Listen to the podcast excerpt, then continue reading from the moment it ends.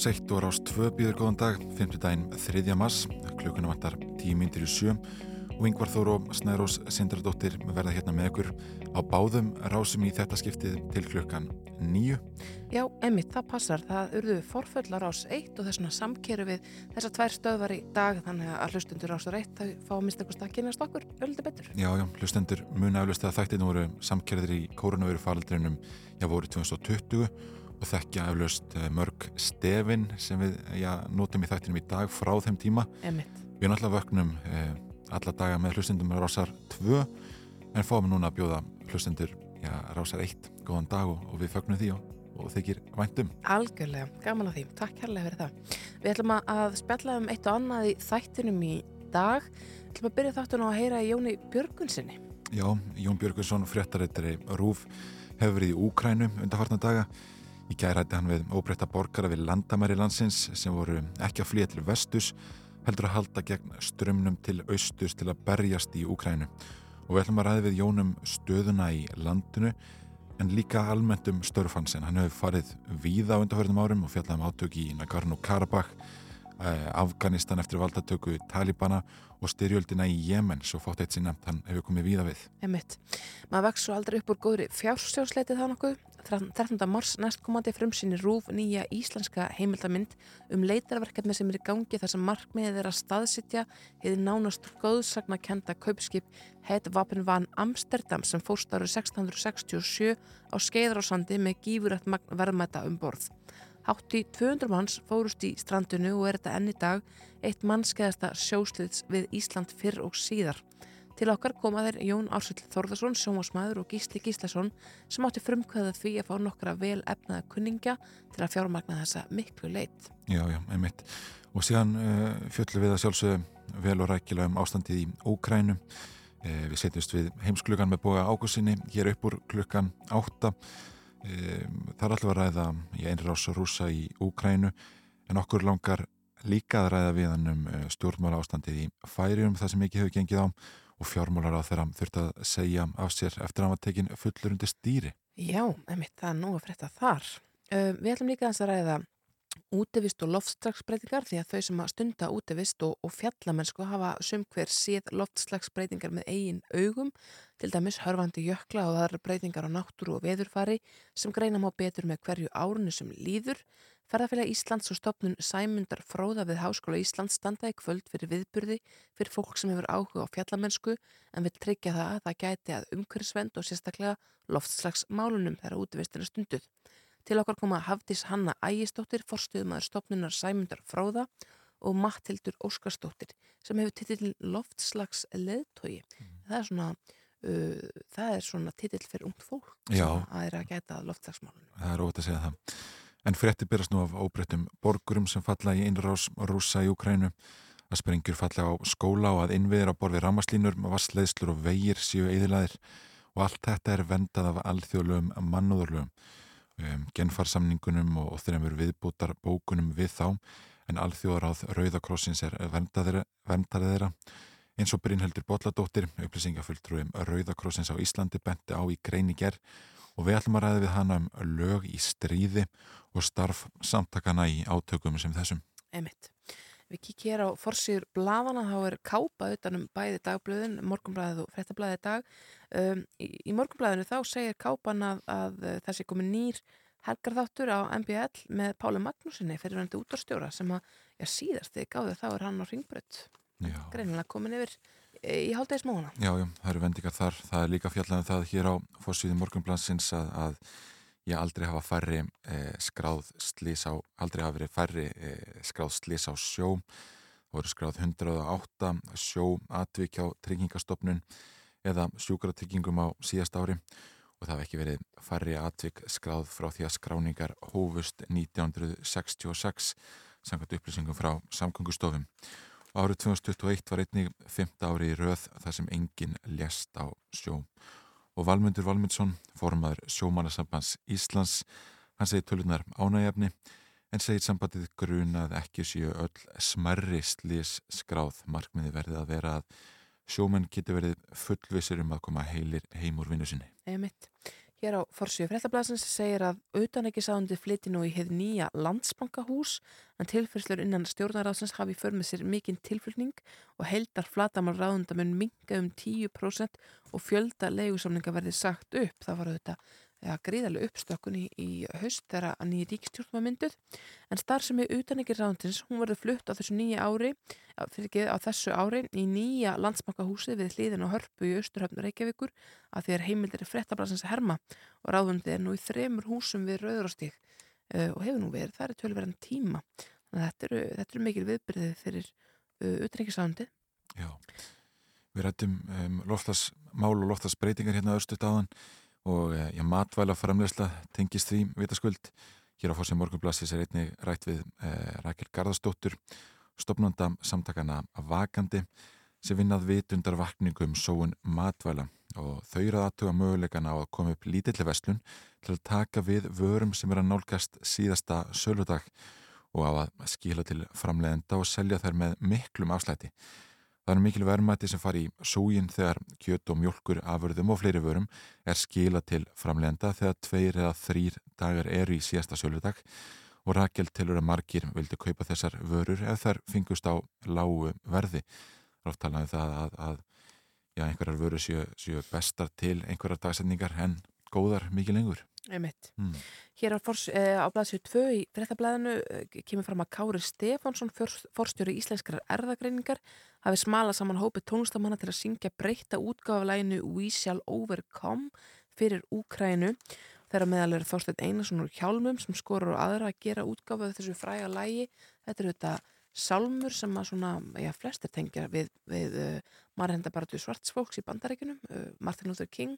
Svona svo barata í kringum 1960 bandarækjunum um, en núna ætlaðu að taka þetta upp fyrir Úkrænu og kannski því tengt þá verður það nefna það að hér í dag klukkan kortir í átta þá tökum við þátt í uh, sam-evrósku átæki um að spila lagið Give Peace a Chance um, eftir John Lennon fyrir sagt, vegna ástandsins í Úkrænu þetta Já. kom svona ákall frá evróskum út á stöðum um að um að við tækjum þátt í þessu og það var okkur ljúft og skilt. Já, já, áskaplega ánægulegt. Það kannski hægt að nefna það líka að Katrín Jakobsdóttir fórsættis á þeirra rættum áhrif innrósar rúsa í Ukrænu við Jens Stoltenberg, framkvæmdastjóra Atlasafs bandalagsins á fundi á heimili Stoltenbergs í Brussel í gerkvöldi. Við höfum líka verið að horfa á hvað við genum gert sem herlustjóð í mannúðaraðstóð. Í upplýstu hann um að við höfum tvöfalda framlag okkar frá fyrstu ákvörun, segir Katrín Jakobsdóttir eh, í samtali við Morgonblæðið. Já, emitt. En nú förum við á skiptum yfir á frettastofuna og uh, heyrum sjöfrettir komum svo vörmu spori, förum aðeins yfir veður og færð en það full ástæða til og heyrum svo í Jóni Björgvinsinni sem er stattur í Ukrænu.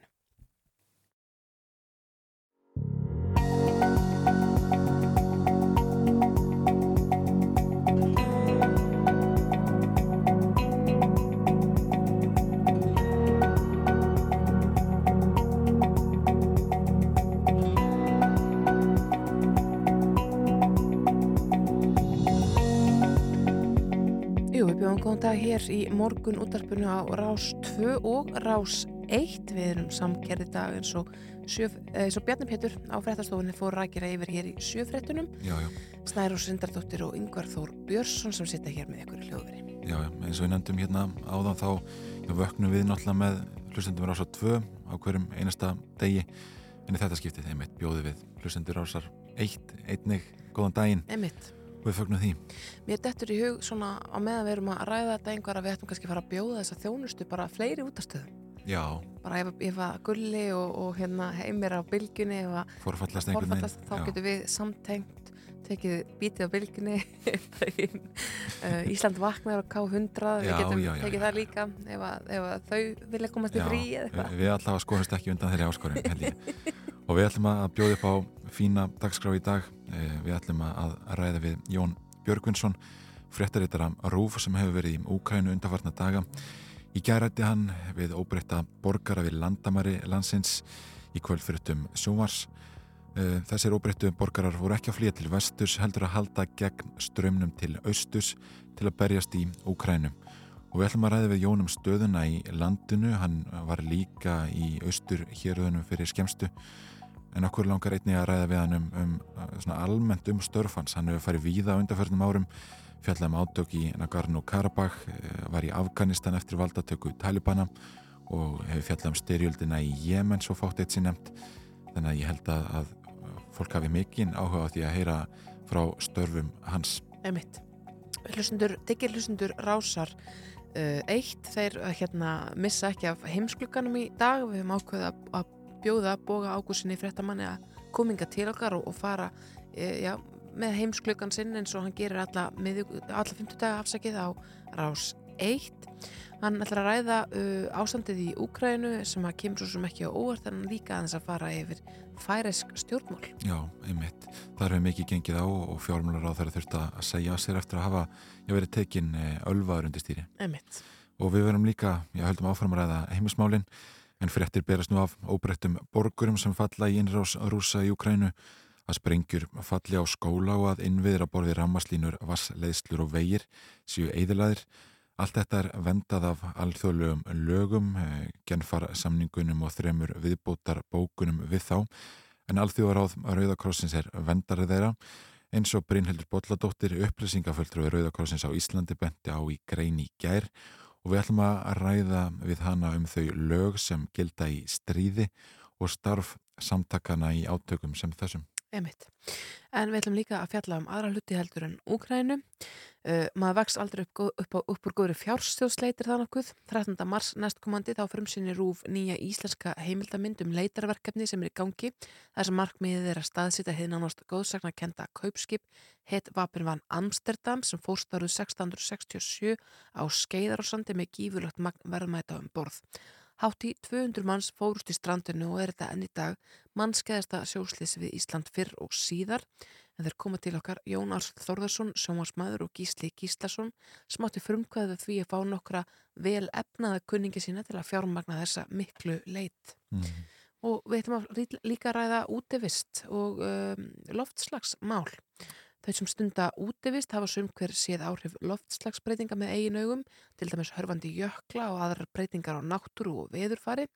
Ferðarfélag Íslands og stopnum sæmundar fróða við háskólan standaði kvöld fyrir viðburði fyrir fólk sem hefur áhuga á fjallamennsku og umhverfisvend og þar koma til okkar Hafdís Hanna Ægistóttir, forstuðumadur stopnunar sæmundar fróða og Matildur Óskarstóttir sem hefur titilinn Loftslagsleðtói. Já, einmitt.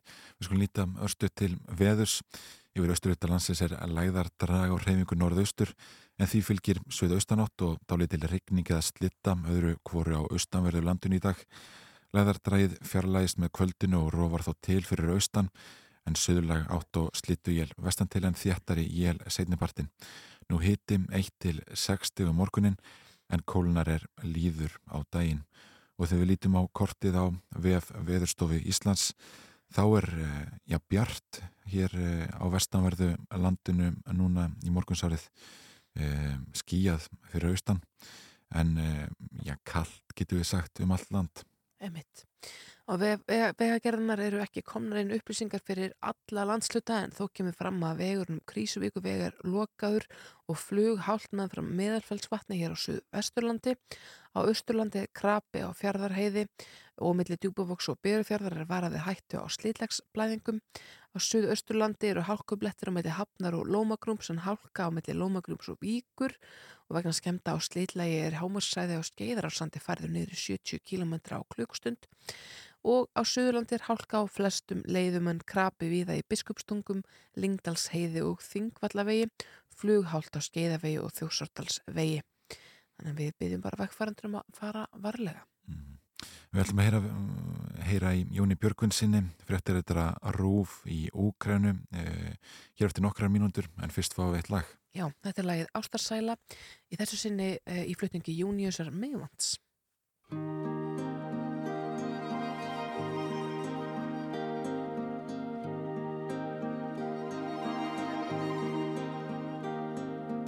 Legð aftur augum þín skær. Hástinn mín dagur er fjær. Svo vil ég vaka þér hjá. Venda þig ef að ég má. Er ég horf á þig hýrnar mín sá. Hverfur orð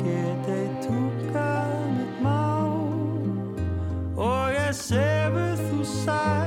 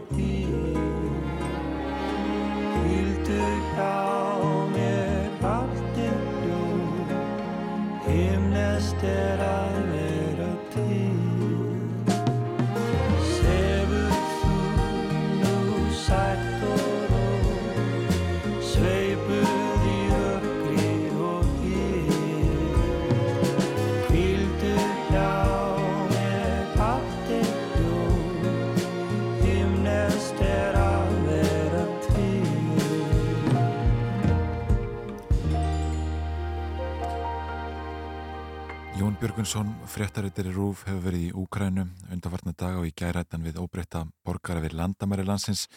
Svo er ekki að flýja til vestus heldur að halda gegn strömnin til austus til að berjast í Úkrænu. Og Jón er komin á línuna, góðan daginn. Góðan dag. Eh, Þú ert í Lviv núna í, í vesturhluta Úkrænu. Hvernig er staðan þar? Uh, það er, ég vaknaði morgun, það var snjóri yfir öllu, hér er hítinu frosti, um, um, um fro, frost svona sýtlega 0 gráður og það snjóaði í nótt. Það voru mikið á loftstandaflutur í gerkvöldi, ég hef nú ekki heist þær í morgun, en í morgun uh, var, var bara fjöldi fólks að fara til vinnu. Það er verið að reyna að halda þessu mannlifi hérna áfram svona með ennum hætti, þótt þessi mikið tögastrekkingur í fólki og til dæmis skólar af allir verið lagði niður og börn eru heima við. Já, er fólk að mæta til vinnu í þessu ástandi og, og bara svona halda áfram sínu daglega lífi? Já, það er að reyna á það, en, en ég finnst að það er mjög mikill svona tögastrekkingur í loftinu og, og, og hérna, fólk er svona þetta índislega fólk sem er hérna ánum vanalega, það er svolítið svona uppdrækt og, og kannski ekki alveg í sínu rétt að horfi. Eh, Þú varst í austur hérðunum í Úkrænu eh, í aðdraranda stríðsins. Bjóstu við því að svona myndi fara? Nei, ég vil að við gera það, að hérna, ég tapaði öllu veðmálum varandi það. Það voru félaga mínir eða kollega sem voru að halda því fram að, að enn á nýmundi kannski ólimpíu friðurinn halda á meðan ólimpíuleikarnir væru. Ég átti alveg bátt með að trúa því en, en þeir unni þetta veðmál og hérna, það var ekki fyrir búinir olimpíuleikarnir mitt þessi eldbundni í, í, Kína þegar, þegar árásnar hóðust og ég var náttúrulega eins undrand og allir aðrir.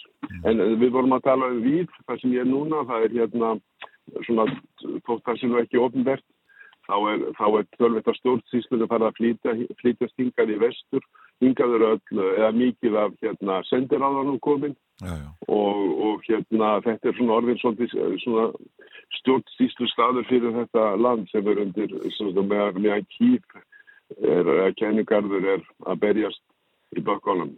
Emitt. Þú talar um að loftvarnaflautur hefðu, hefðu hérna dunið í gerðkvöldi en hafa árásinnar á þessa borg verið eh, sko vægari heldur en eins og til dæmis kænugarð eða, eða aðra borgir í Ukrænu?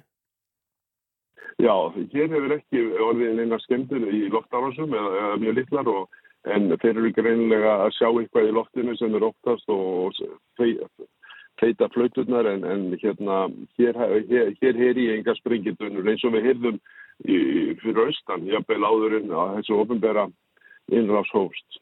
Mm -hmm. Þar hefur alltaf verið í gegnum tíðina frá 2014 tölvöld mikið um átök og, og fyrir fólkið þarna fyrir austan voru þannig svona hefðbundi morgumverkt að heyra kannski hvað er þeirra sprengjuturinnur á mótnana á þeirra þegar að vara að fara til vinnu. Já, ymmit. Sko ég nefndi hérna í ingangi að, að já, í kvöldfrættum í gær þá rættir við í óbreyta borgara sem voru ekki að flýja til vesturs heldur að halda ekki að strömmin til austu til að berjast í Úkrænu. Það er mikil samstaða meðal Úkrænum hana. Já, sko, þessi hópur eru alveg tölvöld stór. Það eru hennar 7-8 fjóðir sem, sem hafa sætti við það því að þetta er nú yfirlegt ekki, ekki leikt í landslöfum að menn sé að berjast fyrir erlenda herri En hérna, glumis, uh, eh, það var með okkur í bílunum þegar vorum að koma hérna við landamæra. Það voru breskir hermenn sem voru fyrrverðandi hermenn sem voru að, voru að koma yfir landamærin og alltaf fara að berjast með, með Ukraínumönnum. Uh, Breyta glumis sagt þessu við það að, að þeir sem hafa gengt herrþjónustu, þeim er heimilt að fara og berjast hér. Mm. En, en hérna þeir kannski vilja forðast meira svona einhver æfintýra mennsku, þeir sem ekki hafa reynsla þessum að strísátökum að þessu tægi og það er uh, tölvertum það og það er talið að þessu þúsundir sem eru um þetta að satna saman hérna í Vík núna þetta er, við vorum í sambandi við þessa menn í morgun sem er að skipa líka þetta og það, þetta verðist nú allt vera svona í burðaliðnum og ekki, ekki komið mikið skipula á þetta en þá en, en, en vopnin streyma eh, til Pólans og þau eru ekki fluttið við landamærin af, af þeim sem er að, gefa þau því að það væri þá bein, bein þáttakið þessu strísátökum en, en hérna það er verið að flýta þessi vopni yfir land, land, landamærin og, og þau, þessi menn það er verið að vopna þá og búa þá út til þessari átaka. Hvernig fer allt þetta saman fram? Hvernig er útbúin útlendinga herteld á, á hálfri viku eða svo? Gengur þetta upp? Já, já það á eftir að koma í ljós. Ég held að þeir séu bara algjörlega ný, nýlega í þessu og, þeir eiga kannski jafn er eftir að svara þessu spurningu og ég þetta er svona verið að improvisera þetta á allan á. Já, einmitt. Þeir eru stattir í Lviv núna, sko, hvað tekur við hjá okkur í dag og, og næstu daga? Nú, það er, ég verð hérna áfram í þessari borgin, hvað fram, eh, svona, þetta er náttúrulega allt óvinstæðið hjá okkur eins og öllum öðrum, að veit ekki hvað hver framvindan verður og, og hérna, mér hefur nú aldrei verið vel við að skrifa fréttinda fyrirfram, þannig að maður bara letur hverjandi í næði sinna þjáningar og, og, og sjá hvernig hverju framsettur. Hérna við erum, svo sem ég ágætti smáli hérna í líf og, og hérna erum að fylgjast bara með þessu svolítið fjerska átökunum í, í tænugarði og hérna en, en menn eru voða látasteknir eða kænugarður fellur, mm -hmm. þá, þá verður hugsanlega víf nýð þáttakandi í þessum, þessum og þessum átökum. Emitt. En hér er til dæmis, hér sér maður til dæmis að það menn eru að undirbúa sig, það eru, það eru göduvirki, það eru vegtalmar, það eru sandpoka, hlæslur við, við hús, menn eru, menn eru völdu, búast við innu versta hérna í líf. Já, og, er mikið um almennan vopnaburð á gödum borgarinnar? Já, jú, ég hérna, hef verið að sjá menn lappa fram hjá með, með hérna hrískundarifla og hérna, það, það er alveg grinnlegt að menn eru tölvegt að að undirbúa sig og búa, búast við hinn og versta. Það sem að kemur kannski pílindu óvart er að þetta er algjört svona 20. aldar stríð eins og þú nefnir sandpokar og výrvirki og þetta, þetta er eitthvað sem að, þekktist bara fyrir mörgum áratöfum síðan í, í styrjöldum. Svo þú hefur verið stríðsettarittari í sko, mörg ár. Hvernig þess, kemur þessi hernaði því fyrir sjónur? Sko, ég, það var nú, það er þetta reitt hérna sem ég ræstaði í morgun sem var nú, maður hérta hefði nú bara horfið á, á síðustu öll, menn voru að taka niður göturskilti og reyna að breyta nöfnunum á götunum til að ruggla eh, innráðsumhætti, þetta er eins og í setni heimsbyrjunni. Uh, en, en, en það eru marga sögur af því að, að, að hérna, rúsnesku herrmennir, þeir eru ekki með Google Maps greina og þeir hafa verið að vitla svolítið og, og ég byrja að stýra til vegar.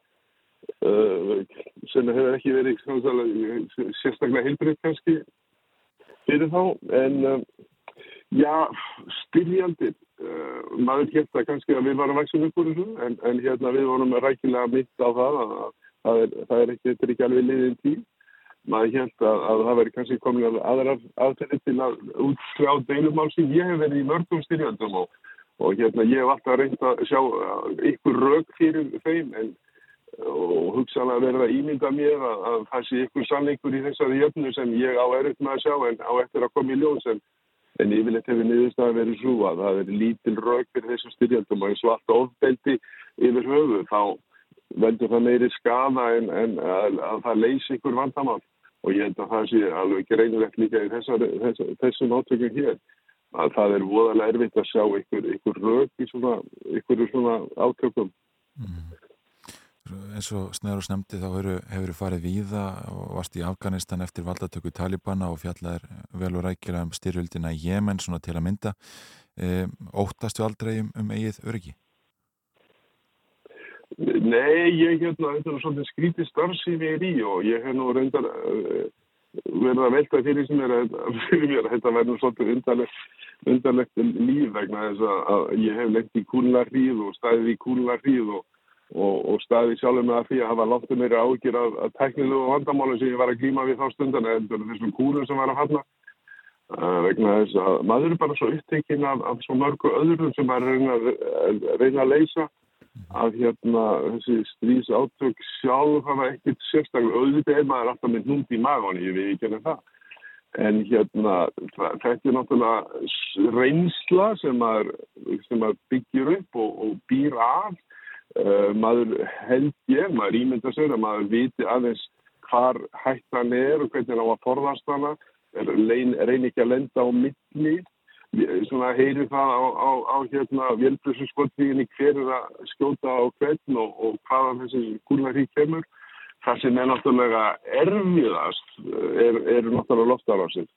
Það er skelvileg tilfinning og ég hef lengt í því að heyra flautið í, í hérna flugskeitinu sem er að, er að koma inn og hérna viti ekki hvað það er lendið. Mm -hmm. en hérna bara vona sín besta. En, en þetta lítur að vera, þú talar um mikla reynslu en, en það fer engin í þetta starfa þess að hafa mikla ástriðu fyrir því líka? Nei, ég hef enga ástriðu fyrir styrjandi, ég var alveg til í að að mynda fólkbótaleiki á, á kópaskeri sko frekar en að standi þessu mm. en hérna þetta er bara hluti af, af frettóna, þetta er hluti af mínu starfi og, og kannski ég veit ekki en það þegar þú ert einu sinni búin að láta þau hafa þau út í þetta þá er kannski hringt aftur í þig frekar en kannski einhvern annan því að þeir vita að þú hefur kannski reynsluna og, og er, er, ég meina ég ég er, mér, þetta er að ég hef alveg sagt mig við að fara á þessa staði vegna þess að, að þetta er bara að þetta er bara svona eh, hluti af því sem er að gera og hérna auðvitað ég hef ekki áhugaðin af styrjandabröldi ég geti alveg lífa á þess en lítalega er mjög áhugaverð að lifa mannkipsóðuna í beitni og, og hérna, sjá hvernig málinn þróast, sjá hvernig sagan er að þróast í hann og sé þetta gegnum tíðina. Ég er búin að vera tölvöld mikið gegnum árin hérna Júgræni til dæmis uh, og hérna fylgst, fylgst með fylgst með bæði mæðan, uppreysninni, appisunugul uppreysninni, sökuð þýmskara og hérna og orustinu um Donbass. Þannig að, að það er, maður fær náttúrulega ákveðin svona sín á heimsmálinn í gegnum þetta allt saman. Já, já, einmitt. Eins og segir þá þekkir þú veldur mála þarna og hefur þessa ákveðinu sín á, á heimsmálinn.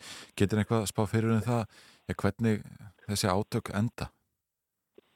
Nei, ég var nú að uh, hérna forða, býða mig að forðlátt að vera að skrifa fréttina fyrir fram Já, já. en, en ég, ég kannski, það er eitt kannski ártal sem ég get nefnt sem er nú ekki oft nefnt í þessu sambandi, það er ártalið 2012 því þá var ég hér að mynda mjög mikið í Pólandi og Ukrænu og á, á þessi ég ætla að setja Mi- Mi- Michel Platini á samanstaflu og Putin þá hef ég svona í minni engasögur skoðu svolítið verið að saka hann um hvernig komið er vegna þess að ég man vel eftir í 2012 þá var Michel Platini, hann var sem fórseti Evrópu, knæsmundu sambands Evrópu og þá var ákveðið að, Póland og Ungverjel, en hérna Ukraina heldu saman Evrópukeppnin í fótbolta.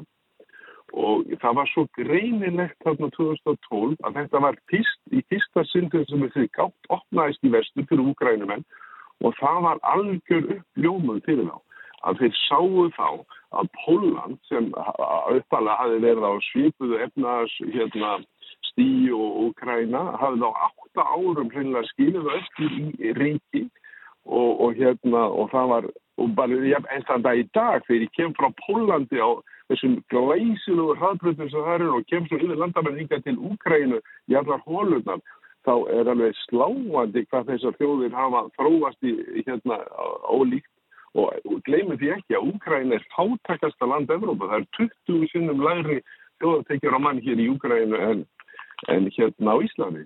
Og og það, það, er, það, það var ekki þegar þessi orma hérna dós var opnuð, þá var bara ekki þetta að loka hennu og síðan bara gáttu Úkrænum en ekki, hugsa sem eitt annað en að, að verða hluta þessari, þessari Evrópu sem þau sáu opnast í fyrsta sinn árið 2012 þegar, þegar, þegar þessi Evrókjefni var handin og þá gerði maður líka sem, ekki neinn fyrir því að, að Úkræna hafði fram að þeim tíma verið mjög einangrað, menn höfðu bara ekki tatt svo mikið samskipti við umheiminni fyrir þann tíma og þetta var, þetta var grífurlega upp, uppljóman og það var ekkert að snúa við eftir það. Og síðan hafa þeir ekki tugsað mennaðin Evrópu. Emitt. Jón Björgursson, fréttaritari og strísvöldamaður, takk kærlega fyrir að vera á línunni hjá okkur hér í ja, morgunútarpið rásar 2 og 1. Það var greint frá því núna á VF Rúfað rúsneski herrin hafi hertekið ukrainsku hafnarborgina Kersson í landinu suðaustanverðin skamf frá Krímskaga og borgar eru völd staðfesta þetta og Kersson er þannig því að fyrsta stóra borgin sem rúsar ná sitt vald eftir að þeir réðust inn í Úkrænu fyrir nákvæmlega viku. Já. Þessi tíundu voru að berast hérna.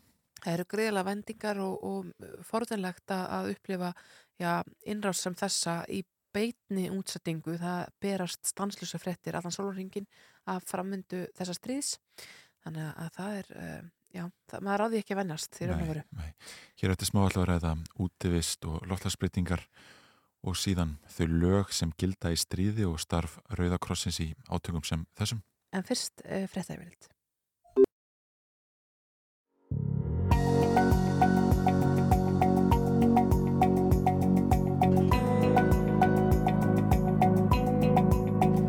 Jú, þeir eru að lusta á morgunútorpið á samtengdum rásum 1 og 2 Snæru Sundardóttir og Yngvar Þór Björnsson sem ætla að sitta hér með ykkur til klukkan nýju í forföllum liðsmanna morgunvaktarinnar á rás 1 en þið missið þó ekki af heimsklukkanum því að Bói Ákusson verður hér upp á klukkan 8 með já, já, sínan, sinn fróðleik. Já, ætlum að ræða annars vegar stöðuna í Úkrænu og hins vegar já, stjórnmálinn í færum þar sem fjármálar á þeirra þurft að segja sér eftir að hafa verið tekinn ölvaður undir stýri. Einmitt.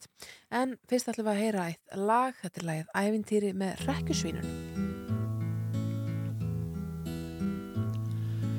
Ísland heitir ei á norður pólnum Alein út við sjónarrand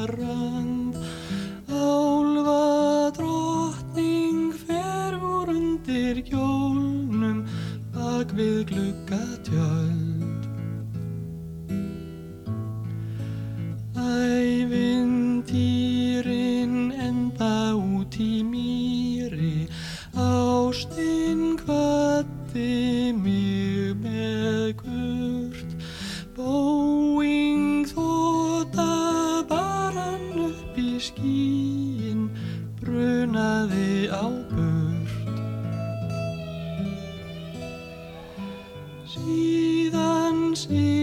ég svefndrukkin í bíó sálarlaus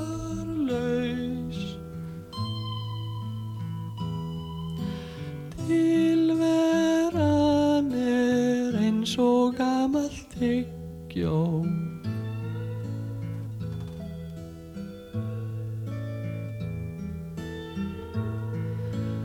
Ævintýrin enda vel um síðir Ástinn er úr álögum. Bráðum verð ég átján barna faðir Í blokki álf heimum. Þau sem stunda e, útivist hafa sum hver séð áhrif loftlagsbreytinga með eigin augum.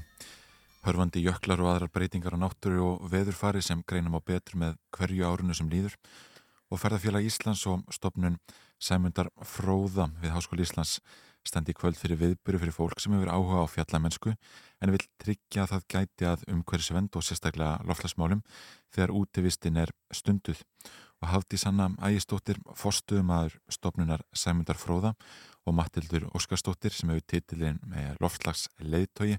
Þær eru komin eitthvað til okkar, góðan daginn. Góðan daginn. daginn. Uh, það, það, það er svona liggur einhvern veginn í hlutarnas eðli finnst manni að útivist sé, uh, sé sko, það, þar, það gæti náttúruverndar að þar sé ekki, hún sé ekki til stakla náttúru skemmandi eða neitt slíkt er það ekki svo, Hafdís? Er, er það mikil flóknar að það? Jú, vissulega er, þú veist, e, útivist þeir sem standa, þeir sem stunda, við sem stundum, hérna, stundum útivist í rauninni e, oft mjög svona e, miklu náttúruvendarar og, og viljum fæða til náttúruna til þess að fá orgu og, og horfa náttúruna. En, en, en auðvitað er þetta alltaf, veist, við erum alltaf, þetta rauninni þetta kólumni spór. Hvað eru við að, hvernig eru við rauninni að, að, að hvað fötur við að kaupa, hvernig förum við á staðinn og, og svo framvið, svo líka bara hvernig við upplöfum og hvernig við sjáum og upp, þau styrjunni loftasmálin og loftasbreytingar þegar við erum e, á staðnum. Þannig að þannig að þetta kvöld í kvöld, það eru eins og eins og kallum úti vistar kvöld loftasleitóans, þetta er semst haldið af loftasleitóanum sem er þetta verkefni sem að, sem að ég e, og Vilborg Arna Gísurdóttir e, æfintrakona með meiru og fjallakona og Salome Hattfræðsdóttir um, umhverjusfræðingur við sem sagt stofnum þetta verkefni og við höldum þetta í samstarfi við Ferðarfjara Íslands og, og, og, og Háskri Íslands. Og í rauninni þetta verkefni í loftasleitóin er svona þetta hreyfi afl við, við, við hugsaum þetta sem hreyfi afl um hvernig við getum hvati breytinga á umhverjusloftasmálum e, bara fyrir, fyrir alla. Mm -hmm. þannig að en við viljum í kvöld í rauninni svona aðeins hugsa þetta kvöldur hugsa fyrir alla sem að stund útvist þannig að allir eru velkomnir og við erum að hugsa þú veist hversu, hversu loftasvænið mitt er útvistur en að veru. Þurfum við um, allt þetta dótsum við nú að kaupa eða hvernig getur við hvernig getur við hérna, hva, hvernig matur við að borða og svo framvegis. Um, hvað þurfum við að hugsa um og þú veist hvaða skrif þurfum við að taka líka sem einstaklingar Amen. til að minka kólusbóra fjöllum? Og getur við öll við loftasleitu það er líka eins svona spurning þeim veitir svo Matildur, loftasleitu hérna, mm tók þátt í prógraman okkar síðasta sumar. Þannig að við ætlum bara svona aðeins að velta upp þessum spurningum í kvöld og, og fáum með mitt eh, mjög svona mjög svona yfirgripsmikið erindi frá Stefáni Gíslasinni umhverju stjórnunafræðingi og fjallalöpara með méru þar sem hann ætlar að fara í rauninni yfir útivist og loftarsmál og bara hvaða það er sem skiptir máli. En við ætlum ekki bara að tala um það, við ætlum líka að tala um Vilborg Arna ætlar að koma og sína okkur myndir og, og, og, og í erindi sem hún kallar virkjaðu þinn eigin loftasleitúar og svo ætlar Andri Snæra að koma að vera með loka orð og við ætlum að kynna um, e, svona kólumsreikni sem við gerðum í samstarfi í, í, í, í, í tengslu við þetta verkefni Lofstasleitóin, þetta verkefni sem við fengum styrk úr frá hérna Lofstasjóði mm -hmm. þannig að, og svo allar Matildur og, og Emilía Lofstasleitóar að, að tala líka. Já, einmitt.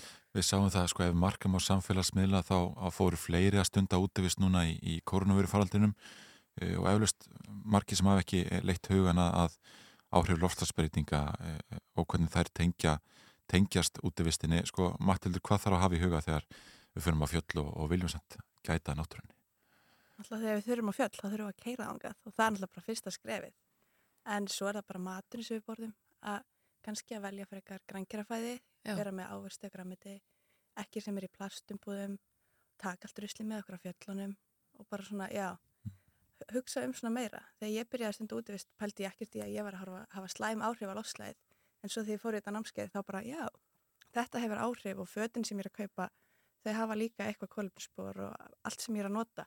Þannig að bara endur nota, fá lánað frekar en að kaupa alltaf þegar maður allar að fara að stunda útivist. En svo margir eru byrjað núna að stunda útivist og vilja kaupa sér nýja skó, nýjan Gore-Tex jakka og allt þetta nýtt. Mhm. Það er frábært hérna eh, verkefni fjallamarkaðurinn sem er með svona second hand útivistarverur. Það er að kaupa notað og á miklu minni pening. Þannig að er að benda það. Þú talar um að, að, að, að í fyrsta lagi þá keirir maður auðvitað á staðinu, þetta er oft svona svolítið stórir, sérstaklega svona jeppabílar eru stórir, orkufreki bílar, uh, líklega með sem keira á dísilolju og svo framvegis.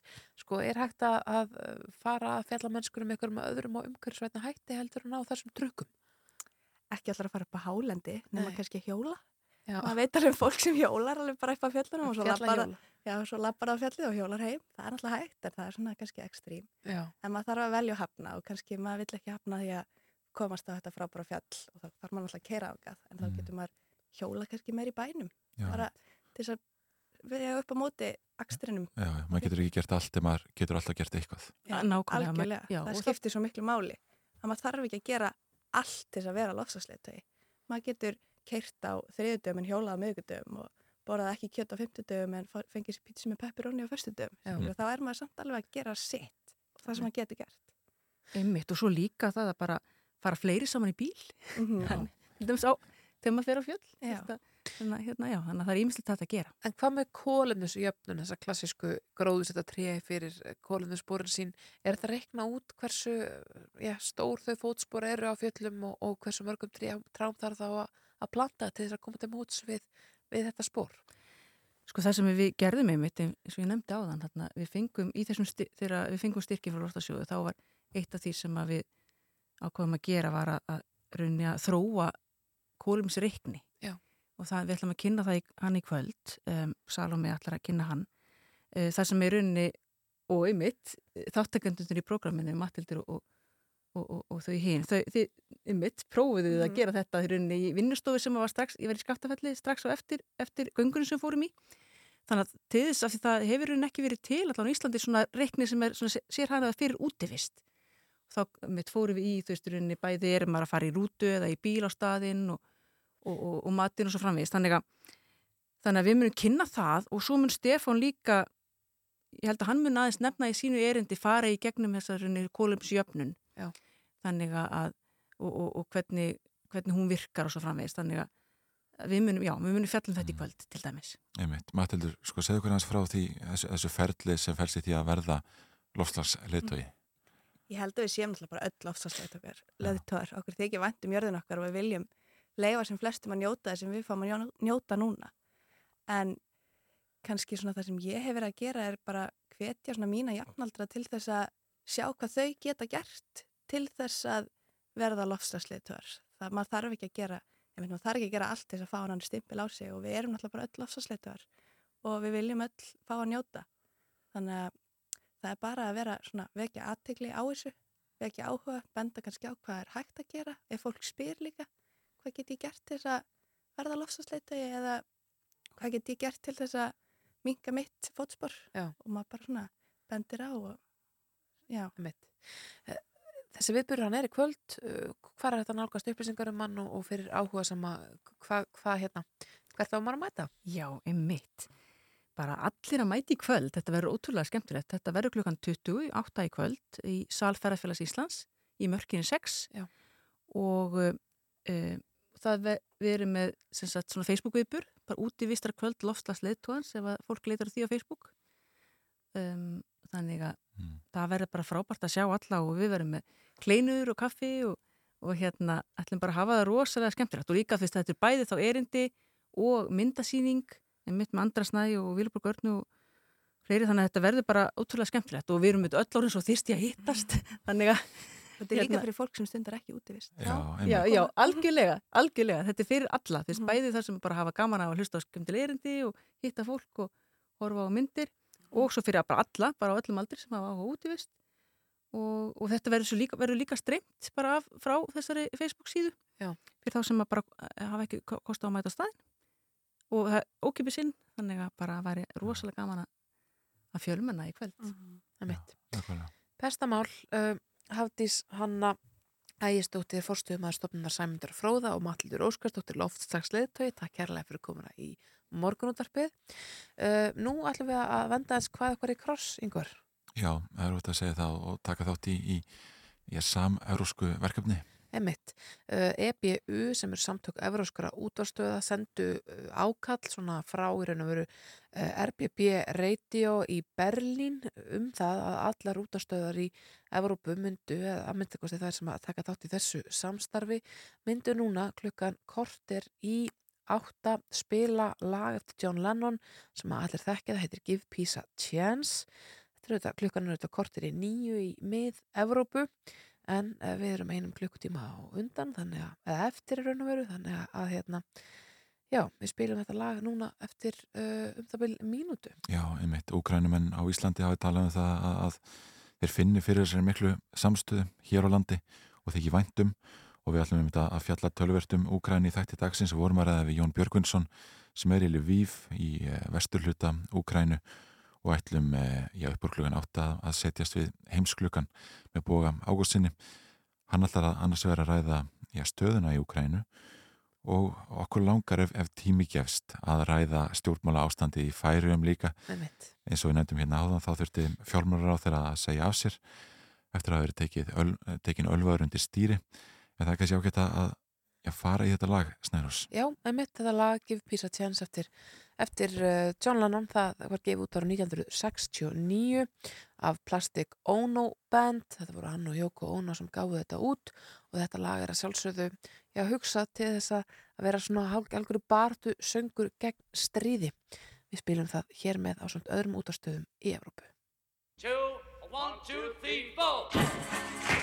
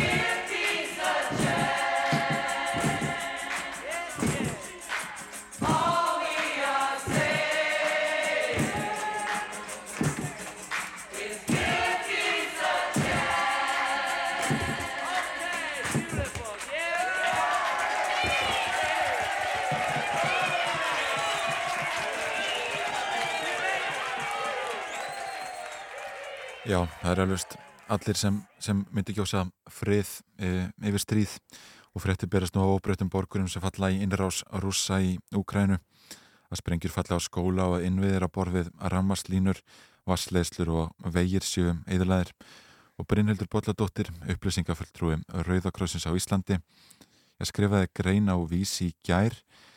Grein sem heitir Það gilda lög í stríði og Brynhildur er komin ykkar til okkar, góðan daginn. Góðan daginn. Hvaða lög gilda í stríði, við byrjum þar? Það eru nokkur lög, það eru svona hortstinn laga sem gilda í stríði, eru genfarsamninganir og viðbútar bókanir við þá. Og það eru bara svona alþjóðlög sem að öll ríki heims í rauninu þurfa að framfylgja. Uh, þau eru svona helguða venjurétti þannig að þó að einhver hafi ekki kvittað upp á genfarsamningana þá, þá berðum samt að fylgja þeim. Og þetta eru þetta eru í rauninni mikilvægastu samningarnir sem gilda í, lög, í stríði. Mm -hmm. og gera það að verkum að uh, í rauninni það má ekki gera hvað sem er. Einhvern veginn stundum þegar maður hugsa um stríð þá hugsa maður já, það eru þetta bara allt leifilegt og genfarsamningarnir gilda bara í átökum á ófriðatímum og um, og setja sér stríði einhverjar hömlur, Mm. það eru takmarkanir. Og víkja þá almenn hegningalög má allt í hennu myrða Hermann samkvæmt lögum? Já, í rauninni. Og það er svona kannski það sem er oft svona fólki finnst svolítið kannski erfitt að ná utanum að þú veist það, að það sé einhvern veginn að, að við gerum ráðferði því það gildi einhver lög í stríði, það sé eitthvað leifilegt í rauninni. Eins og það að hermenn uh, séu drefnir en það er svolítið svona betra að hafa einhver lög heldur en engin lög. Um, og, og þessi lög eru náttúrulega sérstaklega mikilvæg fyrir venlegt fólk, óbreytta borgara af því það er bannað að, að uh, drepa þá. Og sérstaklega að hafa þau sem skotmark. Mhm. og, og þið fylgist með þessum átökum í Úkræni eins og allir aðrir. Blasir við að það sé farið eftir öllum lögum þar? Mm, Nei, auðvitað ekki. Nei. Og það er smá svona í rauninni hverju einasta stríði er það þannig að það er ekki farið eftir þessum lögum nákvæmlega uh, en hins vegar er mjög oft farið eftir þið. Uh, og þess vegna eru sagða fréttir af því að það sé verið að, að leikskóli eða skóli hafi verið skotin, að íbúðablokkir hafi verið skotnar af því að það er bannað.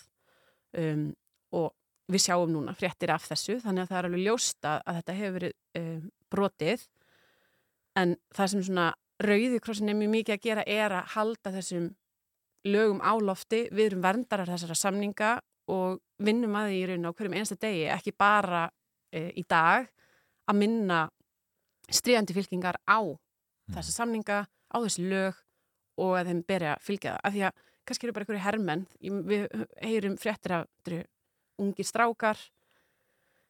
Þeir kannski gerir sér ekki grein fyrir það að gilda lög í stríði og þess vegna eru í rauninni bara fulltrúa frá Rauðakrossunum, hverju einasta stríðshrjáða svæði að funda með e, uppreisnar hópum, með stríðandi fylkingum og bara fræða svona þetta má og þetta má ekki. Einmitt. Svo snýstu þetta, eða sko, svo eru fleiri hluti sem falla undir þetta heldur en mannslíf, uh, óbreyttra borgara, líka innvið, rafmakslínur, vassleðstur og svo framvegis. Við höfum þetta að sé það að, að rússar eru til þess að ráðast á sko, orku ver uh, úkrænumanna. Já, það er í rauninni, það er bannað að, að því þetta hefur í rauninni ekkert með, með hernað að gera. Uh, vegir eru ekki eru ekki, um, þetta er fyrir fólk þess að komast í burtu og fólk á samkvæm genfarsamlingunum rétt á því að komast í burtu, Já. rétt á því að fá orku og allt þetta. Þannig að þú veist, þetta er, þetta er bannað og eins og við svona, það er svona stundum kannski hleyið smá að þessu, hvað þetta gerir ekki neitt, þetta er alltaf brotið en það er bara því við heyrum ekki að því í öll þau miljónir skipta sem að þessi lög eru virt af því það bara, það er engin að tala um það þegar að, þegar að hér keira allir yfir á græni ljósi Já, já, en það stjórnvöld virðið ekki þessar reglur. Hvaða viðulög eru þá? Er, er líklegt að Putin verði ákjærður? það fer öruglega svolítið eftir því hvernig svona þetta endar Uh, það hefur auðvitað verið uh, eins og í Júgoslavíu og Rúanda þar uh, voru búnir til domstólar sem að uh, menn voru dregnir uh, fyrir um, og svo er alþjóðagleipadómstólinn í alþjóðasakamáladómstólinn í hag þannig að það en það er líka pólitíst flókið alls konar en þannig að svona viðurlegin eru líka alveg svolítið flókin í þessu en, en það ætti samt að vera nokkuð skýrt að, að þessi lög hafi verið brotin Já, einmitt. En eru það ekki bara, eins og þú nefnir aðan, alltaf brotin í stríði? Er er ekki, er ekki lög, þessi lög, þann, sko þess eðlis að það er reynilega ekki hægt að fara í neitt stríðsrekstur? Nei, rauninni, það er örgulega alveg smáflókið uh, af því að það mun örgulega uh, gerast að einhver íbúðablokk verði bombuð en þá ekki að vera, þá ekki að vera skotmarkið og þetta er svona svolítið áhugavert eins og varandi uh, kjarnorkuvapn. Já. Rauðkrossreyfingin er alfarið á móti uh, kjarnorkuvapnum og hefur barist mikið fyrir því að, að uh, ríki heims bara standi við það að að nota ekki kjarnorku af því að þar getur ekki ef þú, ef þú varpar kjarnorku sprengju þá ertu ekki að velja uh, hverjir eru hermenn og hverjir eru óbreytti borgarar sem verða fyrir því. Bara gera enga vopn. Það er bara gera enga vopn þannig að það, og það er mjög augljóslega mikið brot á genfarsamlingunum. Eh, kannski rétt í lokin örstutt, eh, er Rauðukrossin komið til Úgrænu eh, til að hjálpa fólki þar? Rauðkrossin þarf aldrei að koma neitt af því hann er alltaf til staðar. Já. Við erum starfandi í öllum heiminum sem er auðvitað það sem að gerur okkur að þeirri upplifur hreyfingu sem við erum. Við erum með starfsfólk og sjálfbúðarlega allstaðar. Þannig við erum í Úkrænu rétt eins og í nágrannlöndunum. Og, og, og hvernig hefur gengið að koma aðstóð til íbúa? Það er misvel eftir því hvar það er en heilt yfir vel og svona aðal aðstóðin er í rauninni líka bara í að, að tala við fólk og, og svona hérna sinna sálrænum þörfum akkurat núna. Einmitt. Brynildur Bóldóttir, upplýsingafulltrúi Rauðakrossins á Íslandi. Takk kærlega fyrir komuna í samtengt morgunóðar Rásar 1 og Rásar 2. Já, einmitt. Og Bói Ágússon hann alltaf að setja sig heimsklukkan hér eftir áttafréttir. Einmitt. Fyrst fréttir.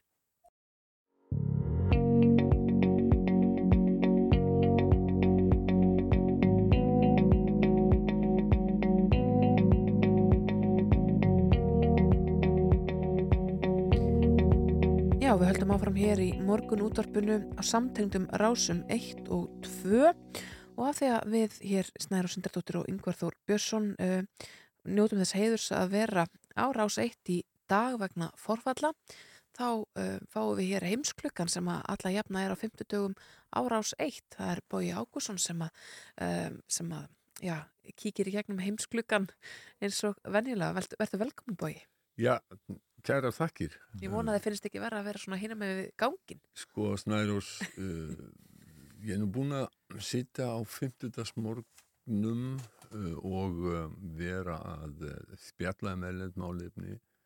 Mér minnir frá því 2009 Já. að þá byrjaði þetta á Rás 2 Já, og um, það var Margrét Martinsdóttir sem að fekk uppháðlega til þess að uh, spjalla stu- stuttlega, þá var þetta nú kannski ekki nema svona tíu myndu, núna er þetta á milli, á milli frétta getum við sagt frá 8 til, um, til hálf nýju Mm. og, og Óðinn Jónsson uh, breytti, fjö- bjó svo til sérstakt nafn yfir Já, þetta já. spjall og, og kallaði það heimsklukan En, en það má þá segja að þú sitt komin heim. uh, að því leitinu til má svo sem segja það já, Þannig að mér líður ekki illa á. Nei. En það var, uh, ég var raunar meðal uh, fyrst, allar fyrstu starfsmann rástöða á fyrsta útsendingadegi, fyrsta desember 1983, þá var ég með ásamt Guðmundi Inga uh, Kristjánsinni uh, með þátt sem að hétt Gullöldin og við spilum þá eldgamla tónlist, hún var 20 ára gömul, það voru bílalög og, og annað slikt. Þannig að Rás 2 og, og, og ég erum ágættir vinn og hún verið mjög lengi. Það er Gott, gott að heyra. Hvað ætlar að segja ykkur í dag? Svona aðalega hafði ég miða við það að tala um Úkrænu og viðbrögðin við innrás og rússa stöðuna eins og hún er núna og því með ég bara að spyrja í, í, í raunni. Það, er, uh, það er svo óskaplega margt sem er að gerast þarna. Einmitt. Mikið lóks sem að stæða að og svo í lokina þá langar mig að spila upptöku frá symfóníu tónleikum Symfóníu Ljósundar Íslands í grænu tónleikaröðinu sem var í sjónvarpinu í beinni útsendingu í gær. Þeir hófust á, uh, ekki á þann hátt sem var auglist dagskrá heldur hófust þeir á afskaplega fallegu verki sem ég aldrei hirt áður eftir úkrænist tónskáld uh, og, uh, og það var að sjálfsögðu til þess að sína samstöðu með uh, fólki í. Einmitt. Hver er staðan svona Ef- í Ukrænu? Hún er svo að uh, rústneski herin sem hefur náttúrulega mikla yfirbyrði, honum hefur tekist að herstaka eina af stærri borgum Úkrænu sem er Kherson sem er við uh, Svartahafið og um, þeir sitja um aðra hafnarborg við Svartahafið, Mariupol. Það hefur orðið verulegt mannfall.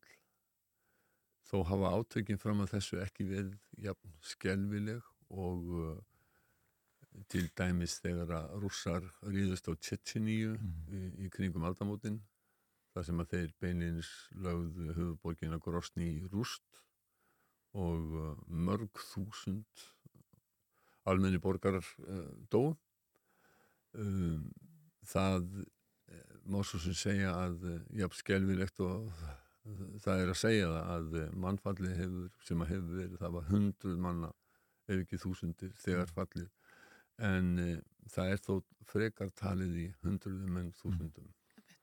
Um, hins vegar uh, viðurkenna rússar að 500 úr þeirra liði hafi fallið.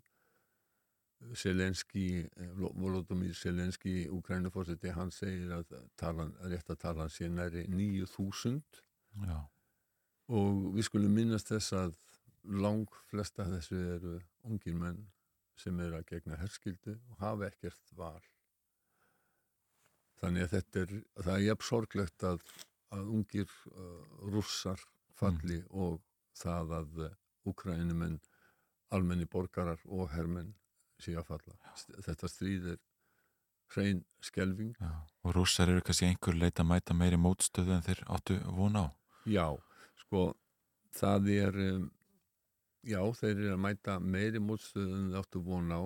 Ég var að hlusta á, um, getum við sagt, sístur þátt morgun uh, útvarsins og, og morgun vaktarinnar á, BBC 4 núna áðan, Today, og um, þar var verið að tala um það að uh, sennilega hefðu hermunum verið sagt að þetta er því svona þeir getur labbað þarna inn Já. það er því lítið sem engin mótstaða og þeim er því fagnað sem frelsurum en uh, þeir eru uppgötta það að uh,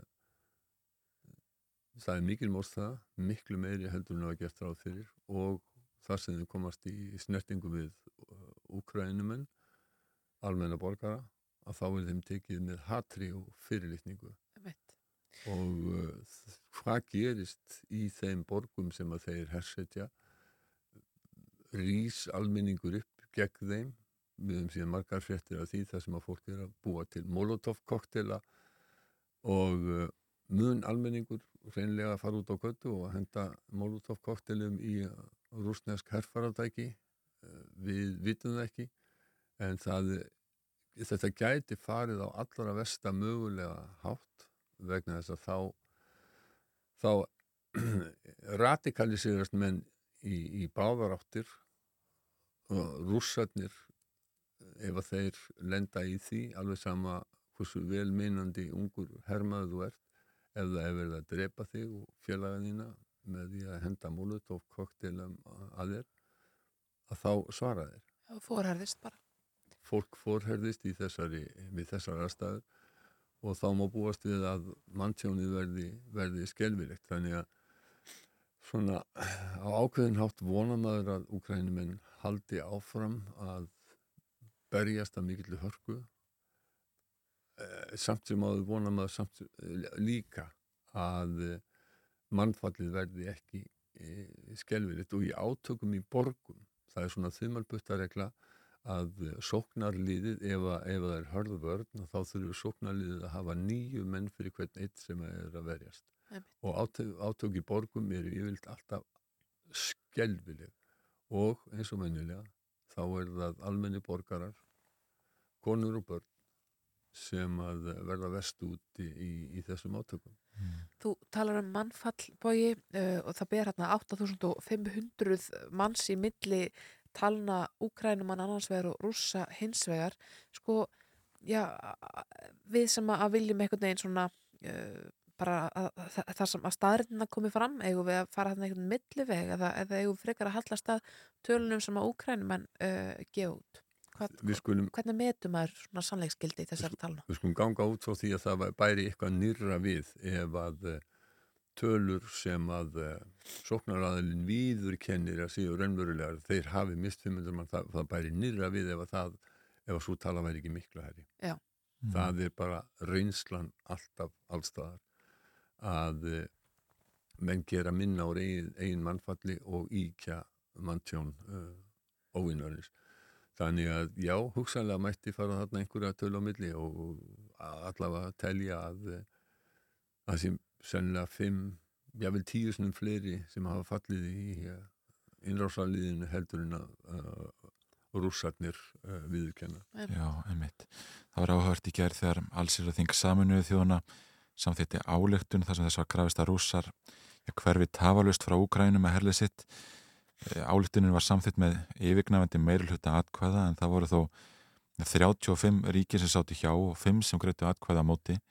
Um, eru þau ríki að einhverju leiti að standa á, á, sko við bakið á Rúslandi í þessum átökum? Já, að sjálfsögðu. Ég, ég var ekki búin að fletta upp hvaða ríkið þetta er, en ég get ímynda mér þetta séu fyrir um Sovjetliðið. Þetta sé Hvítarúsland Mhm.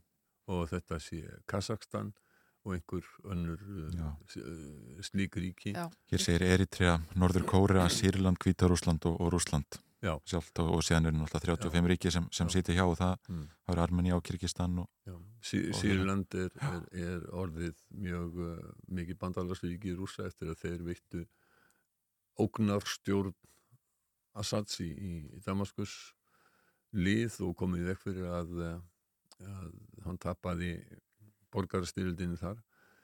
Norður Kórea, það þarf ekkert að skýra Mm. það eitt eða neitt.